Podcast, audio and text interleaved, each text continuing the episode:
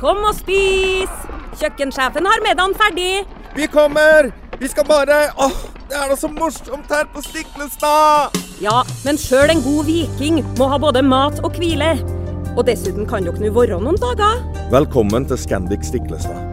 Moderne fasiliteter i historiske omgivelser. Det var her det skjedde. Det er her det skjer.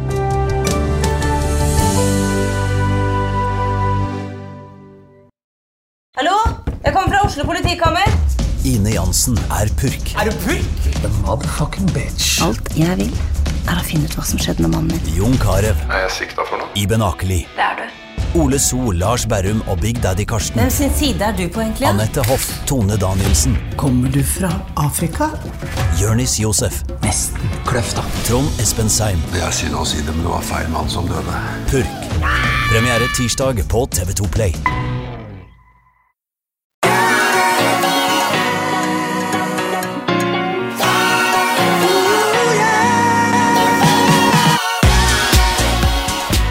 Velkommen til podkasten Hjernesterk. Eh, Ole Petter, vi, eh, det er en stund siden føler jeg at vi har eh, liksom sett over spørsmålene vi har fått fra lytterne. Um, og det kan man jo kanskje si er litt sånn respektløst overfor de som sender inn og ønsker å bidra til podkasten, men det er noe sånn at tiden flyr, og det er mange spørsmål som kommer inn, og det er masse temaer som skal tas opp, og vi har hatt mye gjester i det siste osv. Men denne podkasten her så tenkte jeg at vi rett og slett skulle gjøre det enkelt og greit og snakke om det som er i tankene til inni hodet til våre kjære lyttere. Um, og her er det spørsmål. Uh, jeg vil legge til at jeg vil ikke ta med navnene på de fleste av spørsmålene, uh, fordi at uh, jeg tenker at det er greit uh, at, ikke, at vi ikke tar med det. Men, og vedkommende her vet jeg ikke om er mann eller dame heller, for det, det har jeg rett og slett glemt å legge til når jeg la, la inn spørsmålet her i, i planen vår, Ole Petter. Men jeg kan jo ta og, og, lese opp hva eh, lytteren vår eh, skriver her.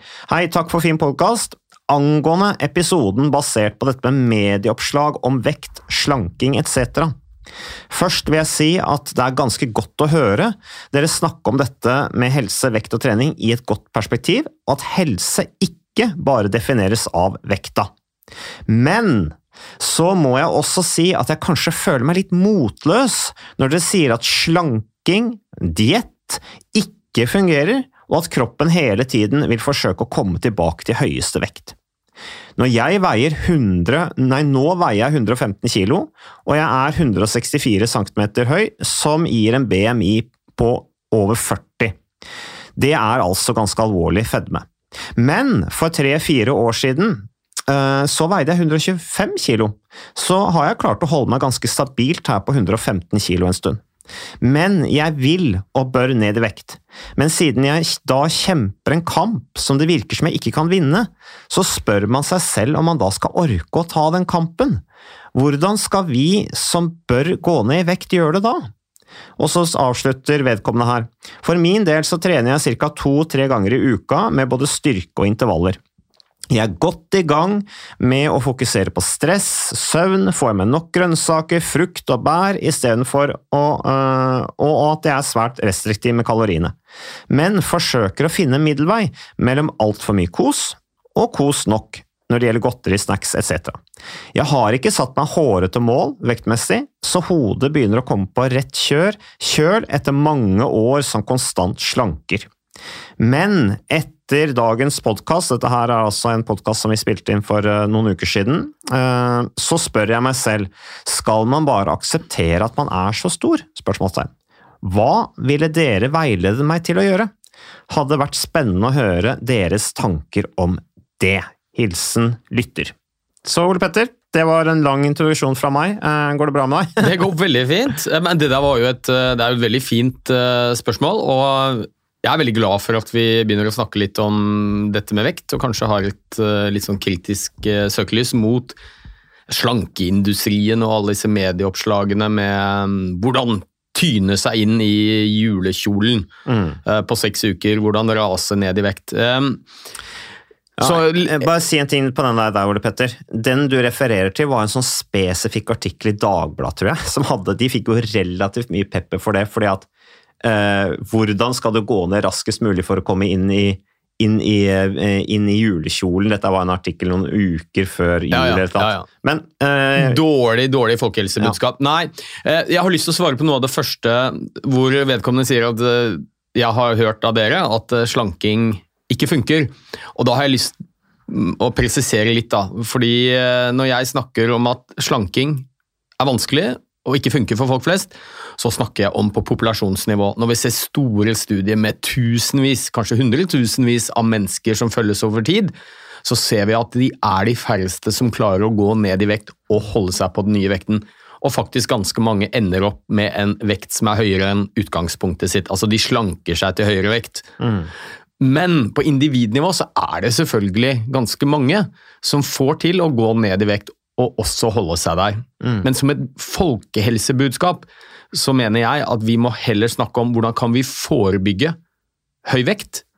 Sant? Aktivitet, gode vaner fra tidlig av. Barn, barnehage, skole, ungdom osv.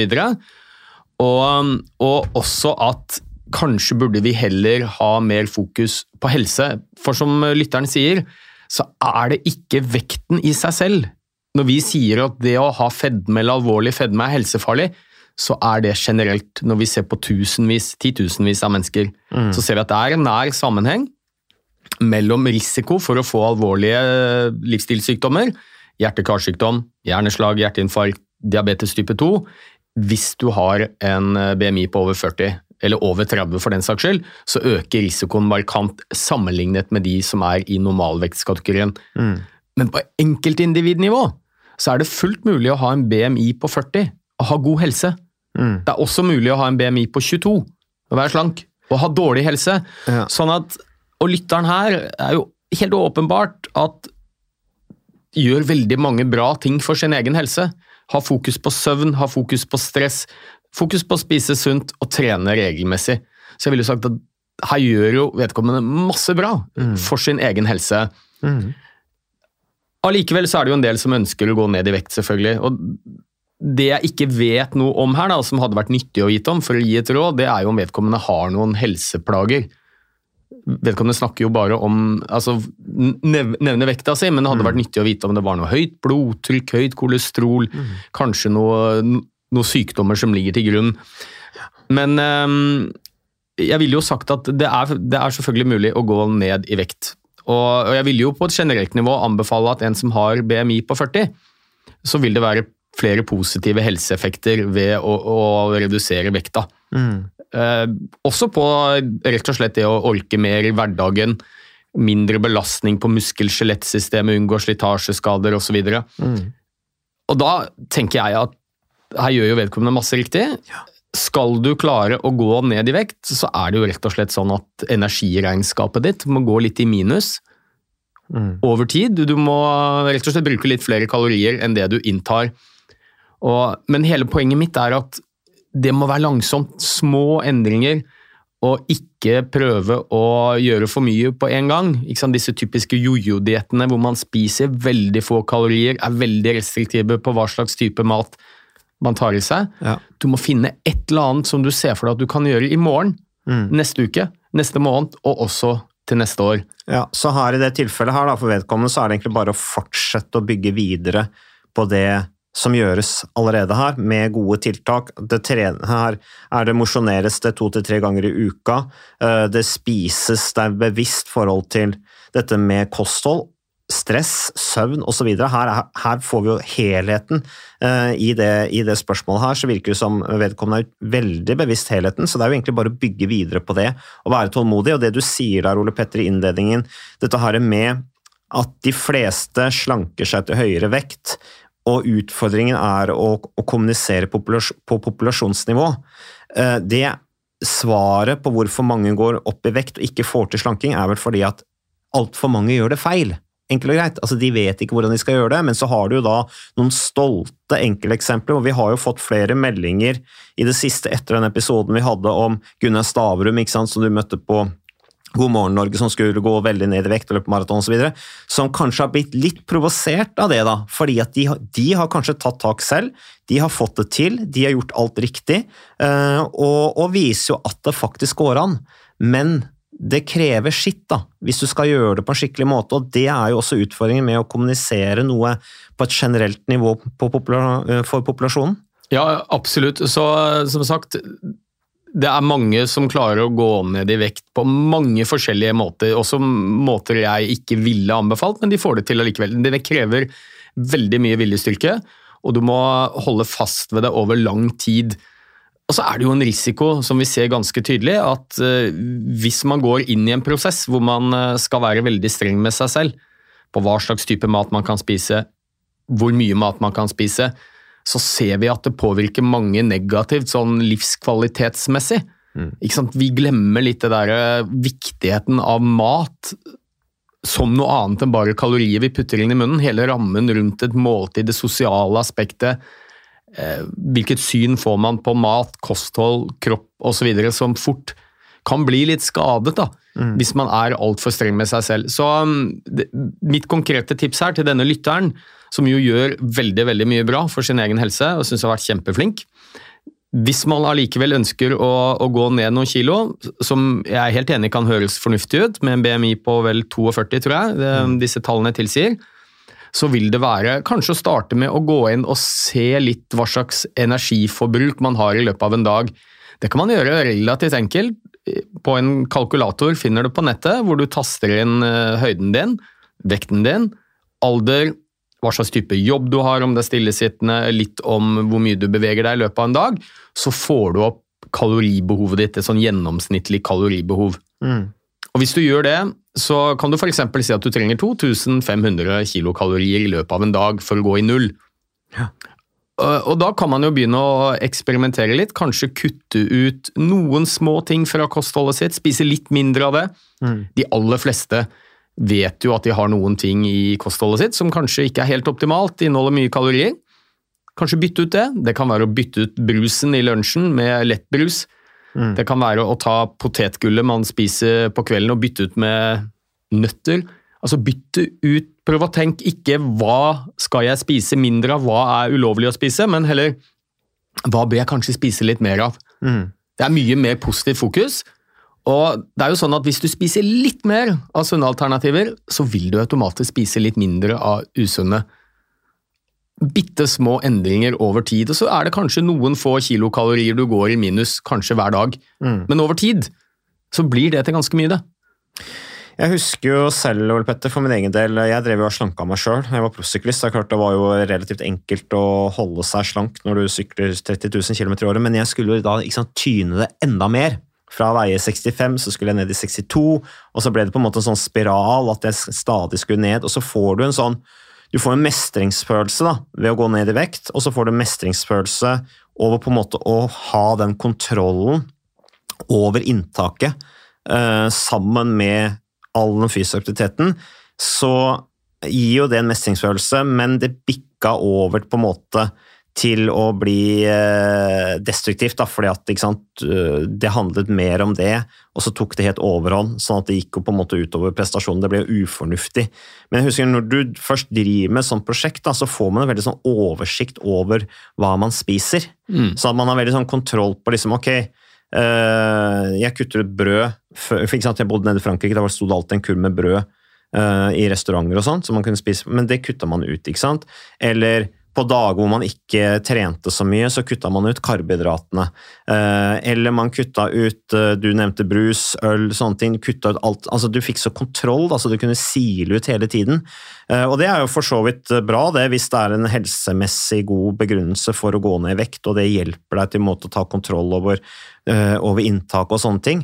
Men, men, samtidig så blir det jo fort en besettelse, og man må jo stoppe på en måte mens leken er god og ikke minst gi seg selv rom for å også koble av innimellom. Det tror jeg er litt viktig, for ellers så blir det sånn evigvarende prosjekt som du aldri kommer deg ut av. Eh, og da kan det jo fort bli helseskadelig igjen, da. Men en annen ting som, som jeg også ville si, det var det derre uh, Jeg har litt sånn oppfatning av i dagens verden hvor det er mye motediett dietter. Eh, du har veganere, du har all slags måte, type måte å spise på. Eh, mange mener at deres metode er den beste, og hvis bare alle fulgte den metoden, så ville det gå bra her i livet. Det blir litt sånn, nesten litt sånn ideologi. litt sånn at liksom eh, Du nevnte om dette her med det sosiale rundt kosthold. Kanskje det kan være en av grunnene til at de finner hverandre på nett. Kanskje blir det på en måte at det, at det faktisk danner sosiale relasjoner. Da. Det der at de har den der felles interessen for f.eks. å spise veganmat. da. Eh, Og at det blir på en måte da også et sosialt aspekt, og det blir nye venner og et nytt miljø. Ja, ja. Og, og det er litt interessant, da, for jeg jobber jo mye med fysisk aktivitet, og jeg jobber jo også en del med kosthold. Og alle mine møter med folk, om det er foredrag eller bøker jeg har skrevet, og jeg snakker om fysisk aktivitet, at det er viktig for helsa, så tror jeg vel knapt jeg har fått en eneste negativ kommentar. De aller fleste er enig i at ja, det å bevege seg, det er bra, det er ikke noe kontroversielt i det hele tatt. Men så skrev jeg jo en bok om kosthold. Mm. Eh, Mat for hjernen sammen med Tine Sundfør, som er klinisk ernæringsfysiolog. Og, og der snakker vi mye om at vi prøver å anbefale folk å holde seg unna dietter. Eh, Skal du gjøre noe med kostholdet ditt, enten for helsas skyld eller for vektas skyld, så bør det være noe som er bærekraftig over tid. Ikke noe du skal holde på med en måned eller to, men kanskje resten av livet ditt. Så gjør noen små, enkle grep, og vi snakker om Helsedirektoratets anbefaling for kosthold, som er veldig bra. Godt eh, dokumentert gjennom forskning. Og, og det hagler jo inn ikke sant, med folk som er sinna fordi vi snakker negativt om ketogene dietter, eller vi snakker kanskje ikke så positivt om mange av disse trenddiettene. Så, så mat er det utrolig mye følelser i. Mye mer enn fysisk aktivitet. Og det er selvfølgelig Mat er noe vi alle har et forhold til. Alle spiser.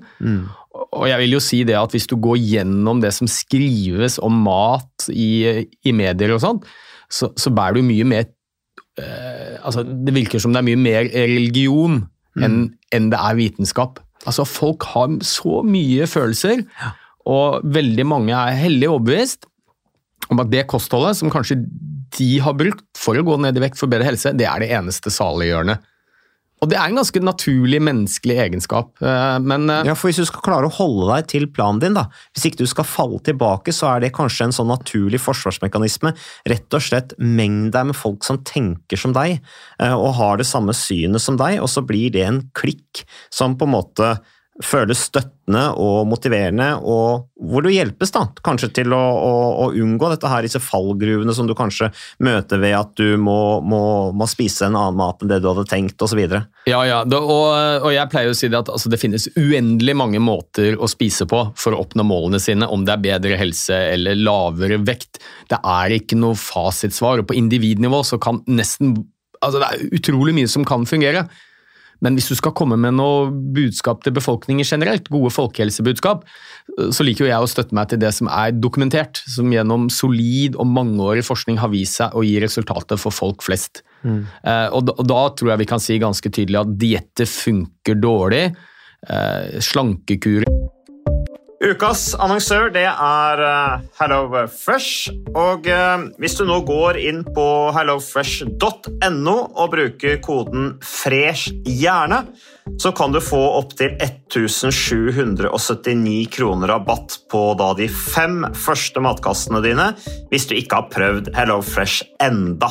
Og Ole Petter, vi er jo glad i Hello Fresh i podkasten Hjernesterk, eh, selvfølgelig fordi at de er en annonsør. De er med og bidrar til å spre det glade ordet om fysisk aktivitet og god helse, men i tillegg så har jo vi også nå lang erfaring med Hello Fresh eh, selv, så vi må jo si at det har vært gode erfaringer til nå. Ja, absolutt. Visste du, Mats, at HelloFresh er faktisk verdens ledende matkasseleverandør? Og tilbudene til HelloFresh gjør det enkelt å lage gode og varierte retter som skaper matglede. Og matglede vet du, det er like viktig som hva du putter i munnen. Det å spise mat med folk du trives med. Så gjennom 25 nye og inspirerende retter hver uke så bidrar HelloFresh til dette. Du kan bestille ekstra porsjoner om du får gjester, eller hoppe over uke hvis du f.eks. skal bort. Og Det er ingen bindingstid, og du velger leveringstidspunkt og dag selv, så leverer HelloFresh matkassen din akkurat når det passer deg. Ikke dårlig, Mats.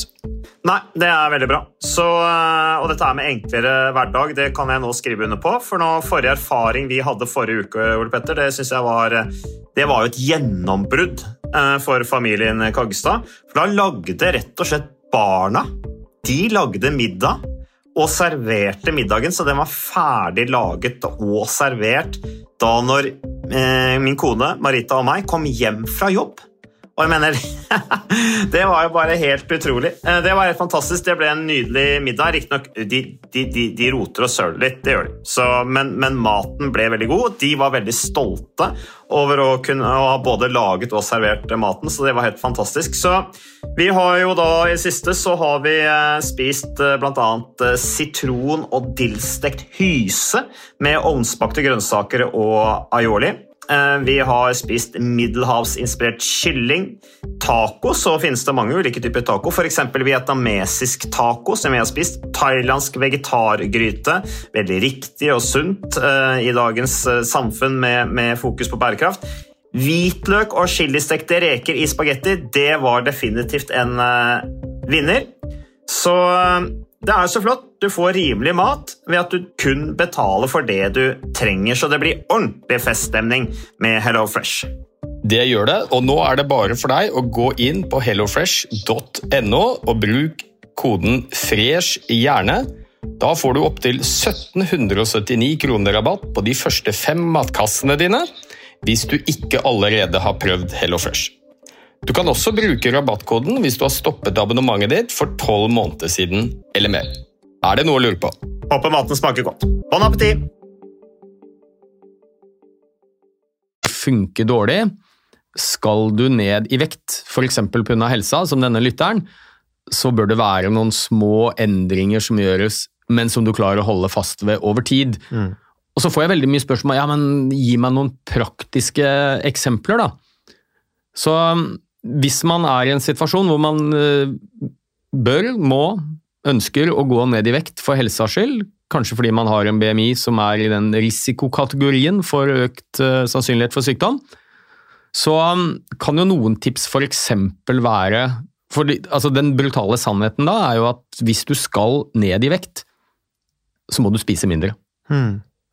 Ja, du kan gjerne trene, og trening er kjempeflott på veldig mange nivåer, men eh, skal du ned i vekt, så er det kostholdet eller kaloriinntaket som er viktigst. Og hvordan skal man kutte ned på antall kalorier over tid? Et eksempel som jeg har hatt veldig mye nytte av hos mine pasienter, det er rett og slett å kutte ut et måltid. Og det er liksom å banne i kjerka, spesielt når jeg anbefaler frokost, at man kan hoppe over det. Ja. Eh, og dette Det er er veldig ikke mot min skole, blant annet. ja da, og dette er ikke et generelt råd, men dette er et råd til de som har helsemessige årsaker hvor det er viktig at de reduserer vekten sin. Da må du spise færre kalorier. Og ganske mange mennesker spiser frokost mest av vane. Ja. Ikke nødvendigvis fordi de er så sultne. Nei. Det er tidlig om morgenen, det er mange Når man våkner, så er det en stor andel nordmenn som ikke er sultne. Og det handler om at i løpet av natten så skilles det ut en del hormoner, bl.a. kortisol, som gjør at blodsukkeret øker, og at vi sender energi ut i blodbanen i faste perioder. Så når mange våkner, så er de ikke nødvendigvis sultne, men for mange så er det blitt en vane. Selvfølgelig klokka er sju eller halv åtte, da spiser man frokost. Så Ja. spiser man frokost uten nødvendigvis å være så sulten. Så det kan være et tips. Hopp over frokosten, ta deg kanskje en kopp kaffe eller bare en bitte lite å, å bite i. Du holder helt fint til lunsj, og så spiser man første måltidet som en tidlig lunsj, kanskje 11-12. Og hvis du da ikke spiser noe mer resten av dagen, men bare har kuttet ut frokosten din, så, så har du spart ganske mange kilokalorier. Igjen, et ikke tips til hvermannsen, men til de som av medisinske årsaker må ned i vekt. Ja, eh, jeg bare, bare sier, Ole Petter, at uh, når jeg sier at det er min skole, altså, det er fordi at jeg kom fra idretten, ikke sant? Da var det sånn, da skulle man alltid spise frokost, det er den der norske skolen, selv om jeg jo hadde russere på lag og sånn som, som dro ut og trente før, uten å spise frokost, to timer sykling, Eh, fordi at de mente at det var bra for systemet og sånne ting. Men jeg har tenkt litt på det, du har, det vi har snakket om nå i forbindelse med en podcast og sånne ting, jeg har også nå tenkt at jeg kan også ha dager hvor jeg tenker jeg trenger egentlig ikke å spise frokost. Fordi at du er jo ikke sulten når du har ligget vannrett i så mange timer, så har du ikke brukt spesielt mye kalorier. Så hvis ikke du er sulten, så trenger du ikke nødvendigvis å, å spise. Eh, Så det er, eh, det, det, det, det, er et godt poeng. Eh, Men, men du skulle si noe mer, Ole Petter? Ja, og, og en annen ting er, ja, ok, hvis du ikke er sulten, så trenger du ikke å spise. Og jeg vil jo også si at selv om du er sulten, så trenger du ikke å spise. Jeg tror vi må huske at uh, gjennom eh, 99% av menneskets eksistens så har vi gått rundt og vært mye sultne. Mm. Uh, vi har overlevd fint allikevel. Uh, og, og det er jo fordi at tilgangen på mat var uforutsigbar. Så hovedpoenget mitt er at det, det er ikke noe farlig å være sulten. Kroppen har fantastiske mekanismer som frigjør energi ut i blodbanen, så du holder helt fint på jobben eller i idrettsaktivitet, selv om du ikke har spist frokost. Ja, det er bare, men, men det er jo, du blir jo veldig sulten, da. ikke sant? Jo- Så jo du da. får et veldig sug etter mat. Jo, eh, det er noe som går over ganske, ganske kjapt. Hovedpoenget mitt er at det er ikke noe skummelt å være sulten. Nei, det er Eh, naturlig, egentlig. Ja, og Så igjen, ja for all del, spis frokost. Det er et eh, viktig måltid for folk flest. Mm. Det er sosialt, og det er fint. Men er du en av de som skal ned i vekt, trenger å gå ned i vekt av helsa skyld, for helsas skyld, så, så kan det være et tips hvis du må kutte ned på kaloriinntaket. Kutt ut et måltid hvor du kanskje ikke nødvendigvis er så sulten uansett. Ja. Et annet tips, eh, som er litt sånn praktisk også, det er jo legg deg tidlig. Ja. Vi ser at veldig mange av de som eh, spiser flere kalorier enn de forbrenner, en ganske stor andel av de kaloriene kommer på helt på slutten av døgnet. Og det er kanskje mange som kjenner seg igjen i, sitter på kvelden, ser på TV, koser seg kanskje, og så vet du at det ligger en potetgullpose i, mm. i, i skapet. Da skal du ha litt stålvilje for å eh, unngå å gå og plukke den opp. Ja. Så, og det er heller ikke farlig å gå og legge seg litt sulten. De fleste som legger seg litt sultne, våkner opp og føler seg mette. Oh, ja. så, um, så det kan også være et tips. eh, Prøv å legge deg litt tidlig, da får du litt ekstra søvn. Mm. Og så unngår du kanskje de, den siste timen hvor det er lett å snackse og spise noe du egentlig ikke føler at du har behov for. Jeg er redd for å våkne om natta og være sulten, jeg, Ole Petter.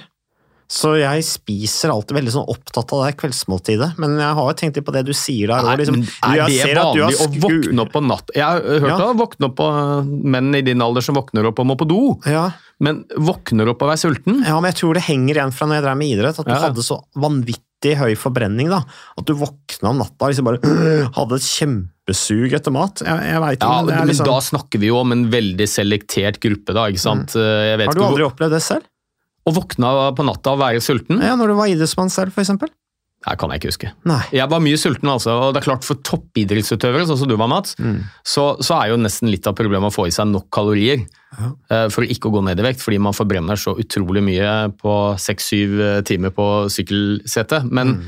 for folk flest, jeg tror knapt jeg har hørt om det, folk som våkner på natta og bare må ha mat. Nei. Nei det har skjedd meg, og jeg vet at uh, Kurt Asle Arvesen også, ikke sant? og han syklet Tour de France, hadde alltid en banan liggende Ja i senga, han, han våkna om natta og var så sulten, han måtte ha den bananen, og så sovna han. Jeg husker foreldrene mine også sa liksom, ja, hvis du våkner om natta og ikke får, ikke får sove, gå ned, ta deg et glass melk, eller en banan eller et eller annet, så får du sove. Det er liksom den, den, den oppveksten jeg har hatt, da, den lærdommen jeg Ja har da, hatt. men i, i, igjen da, så er jo dette en selektert gruppe. For, alle, mm. for de som skal sykle Tour de France eller Spania rundt, så uh, spis frokost og spis gjerne på kvelden også. Men jeg tenker dette, det kan i hvert fall være et tips som jeg vet funker for ganske mange. Det er uh, prøv å kutte ut et måltid hvis du må ned i vekt. Prøv å legge deg litt tidlig. Og et siste tips som er veldig konkret, det handler jo om uh, at den maten vi har i huset, det er jo den maten vi spiser. Så hvis du ønsker å bli kvitt noen av lastene dine, kall det det, da, kostholdsmessig, hvis du vet at du er veldig glad i potetgull eller kake, og, og du strengt tatt har et ønske om å kutte det ut, så kan det være tips å handle mat på full mage. Altså ikke gå i butikken når du har litt lavt blodsukker, Nei. eller faktisk bestemme deg for hva du skal kjøpe når du sitter eh, rundt middagsbordet etter å etter å ha spist deg stappmett. Gå inn på nett, og så Bestill, ja. bestiller du maten din på nettet. Du kan hente den i butikken eller få den levert. Da er det mye mindre sannsynlig at du går i disse snacksfellene. Du blir litt skuffa når du åpner posen og ser at det her Jo er ikke noe sjokolade, ikke noe digg. Men det vi har i huset, det spiser vi. Og det er jo sånn når du går i butikken, og spesielt hvis du har litt lavt blodsukker, så vil du ende opp med å plukke ting som du kanskje ellers ikke ville gjort. Usunne ting. Og, og så er det jo noe med at butikken er jo designet for at du skal velge mye av den kaloririke maten som uh, usunne maten som butikkene tjener veldig mye penger på. Så det aller meste av usunn mat det er jo akkurat i hodehøyde, sånn at vi ser det når vi går rundt hyllene. hyllene. Og så er det mye av det rundt kassa. Når du står der og er litt stressa og køen, altså, ah, så plukker du med deg en sjokoladeplate eller noe brus. Jeg tror de begynner å bli litt mer bevisst på det òg, disse store matvarekjedene. At de skal prøve å plassere det mest usunne liksom litt sånn egne avdelinger. Men, eh, men det tar sikkert litt tid. Eh, Når det gjelder dette her med å gå i butikken med lavt blodsukker, så, så husker jeg at det var en utfordring da jeg var yngre, og sånne ting, men så lærer man seg bare sånne mentale teknikker. Jeg husker jeg sa til meg selv at tanken på det er bedre enn å spise det. Jeg, bare sånn, jeg bare lærte meg det, liksom det der å ja, altså du rett og slett bare klarte å ta en sånn der selvkontroll at du kunne stå og se på det og vurdere å kjøpe det, men du gjorde det ikke, og da ble det på en måte en seier. Det ble en litt sånn belønning, det òg, da. Eh, sånn mentalt sett, faktisk. Ja. men litt inn på dette her med å være sulten. Eh, for noen uker siden så sto det en ganske svær sånn helgesak i Dagens Næringsliv eh, om dette her med å, å gå og være sulten, da. Eh, og at det nå, ikke sant, apropos dette med, med mote og, og ideologi og folk som på en måte velger en retning i livet basert på noen ideer, tanker, eh, teorier. Eh, da var det dette her med å, å faste, eh, og at eh, blant annet så var det noen intervjuer med noen personer der som sa at de blir mye mer mentalt skjerpa, konsentrert, når de fastet eh, og, og unngikk å, spise for ofte. Eh, Og da var jo også en referanse da tilbake til på en måte tidenes morgen med dette her hvor vi bodde i huler og, og, og holdt oss i, i, i live ved å hvile når vi måtte og jage når vi virkelig trengte det. Og stort sett generelt gikk rundt og var ganske sultne, og at det fra biologiens side gjør at vi, vi holder oss skjerpa. Da. Der eh, har vel du sikkert noen meninger i og med at du har vært såpass opptatt av hjernen så lenge, Ole Petter? Ja, eh, og dette med sånn intimiterende fasting, altså fasting av og til. Et eksempel er jo denne 5-2-dietten, som jeg tror veldig mange har hørt om. Hvor du spiser helt vanlig i fem dager, og så har du to dager hvor du spiser minimalt med kalorier, type 500-600 kilokalorier. Som jo er langt, langt mindre enn det vi trenger eh, for å gå i energi, for at energiregnskapet skal gå i null. Og akkurat den uh, dietten er det gjort eh, ganske mye studier på. Min kollega Tine Sundfør skrev doktoravhandlingen sin om den. Og kort fortalt der da, så tok man en gruppe mennesker som hadde eh, høy vekt, og som ønsket å gå ned i vekt. eh, delte de i to ved loddtrekning. Den ene gruppen skulle spise en 5-2-diett, og den andre skulle spise en lavkaloridiett basert på Helsedirektoratets anbefalinger.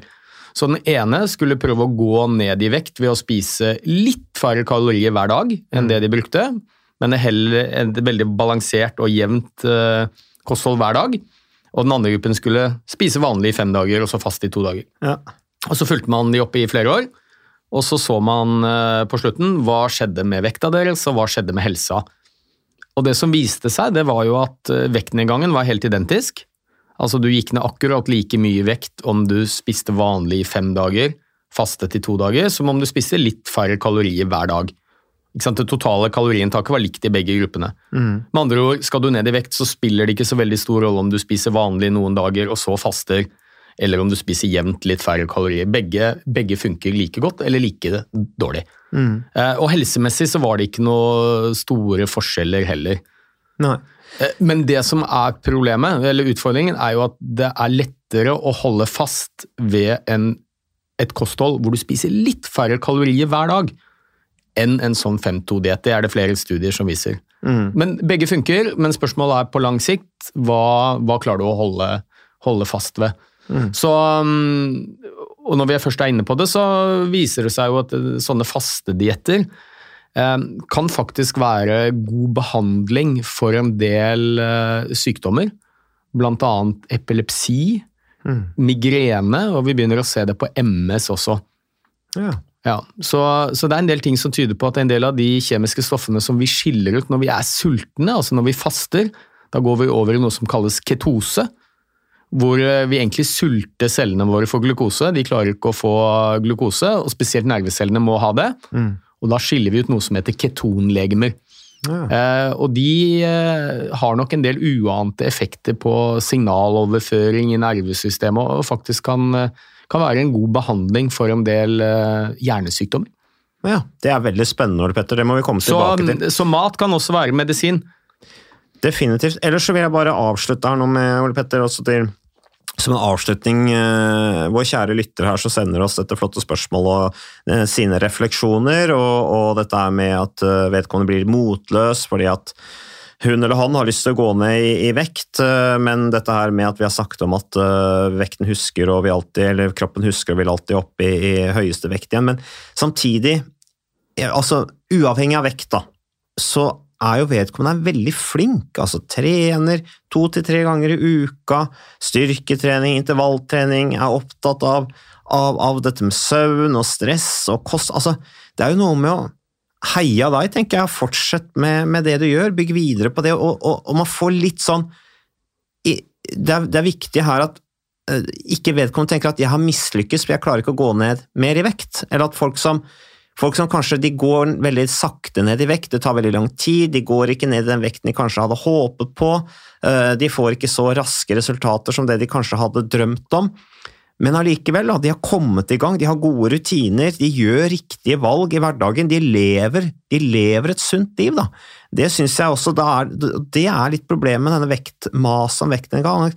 Folk gjør så mye riktig, de lever sunt, de tar til seg råd, de klarer å skape gode vaner, eh, men så går de kanskje ikke ned i den vekten de hadde håpa på. Men gevinsten på hjerte, muskler, ledd, det mentale, den er jo fantastisk. Ja, og jeg applauderer denne lytteren som, eh, som, gjør alle disse tingene, som er så bra for helsa, så det ville overrasket meg stort hvis ikke vedkommende faktisk har god helse, og sannsynligvis lavere eh, risiko enn mange som har mye lavere vekt for mm. å bli syk senere i livet. Så jeg er jo fullstendig enig med deg. La oss ha litt mindre fokus på de kiloene, fordi at det vi må huske er jo at når man gjør disse endringene både med kosthold og fysisk aktivitet, ja, så er det ikke sikkert vekta går så mye ned, men det skjer en haug med fysiologiske prosesser inni kroppen som er bra for helsa. Redusert kolesterolnivå, redusert blodtrykk, endret kroppssammensetning, mer muskelmasse, mindre fettmasse, og det, fettvev, og det er ikke nødvendigvis synlig på en vektskala. Nei. Men så, så, det er jo mitt klare råd. Keep up the good work. Det du gjør er kjempebra.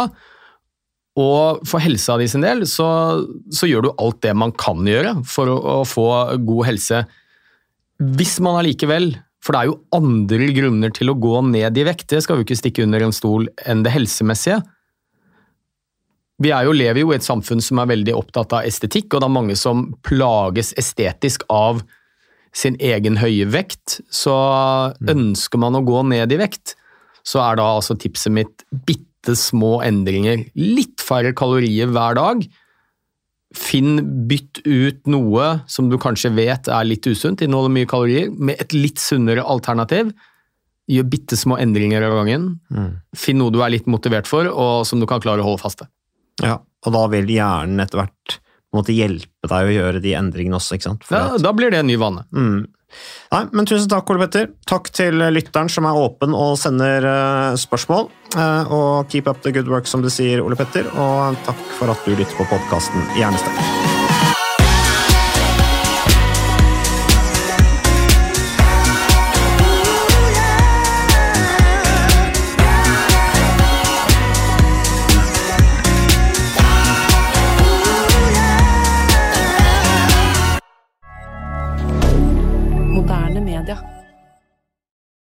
Har du et enkeltpersonforetak eller en liten bedrift? Da er du sikkert lei av å høre meg snakke om hvor enkelt det er med kvitteringer og bilag i fiken, så vi eh, gir oss her, vi. Fordi vi liker enkelt. Fiken superenkelt regnskap.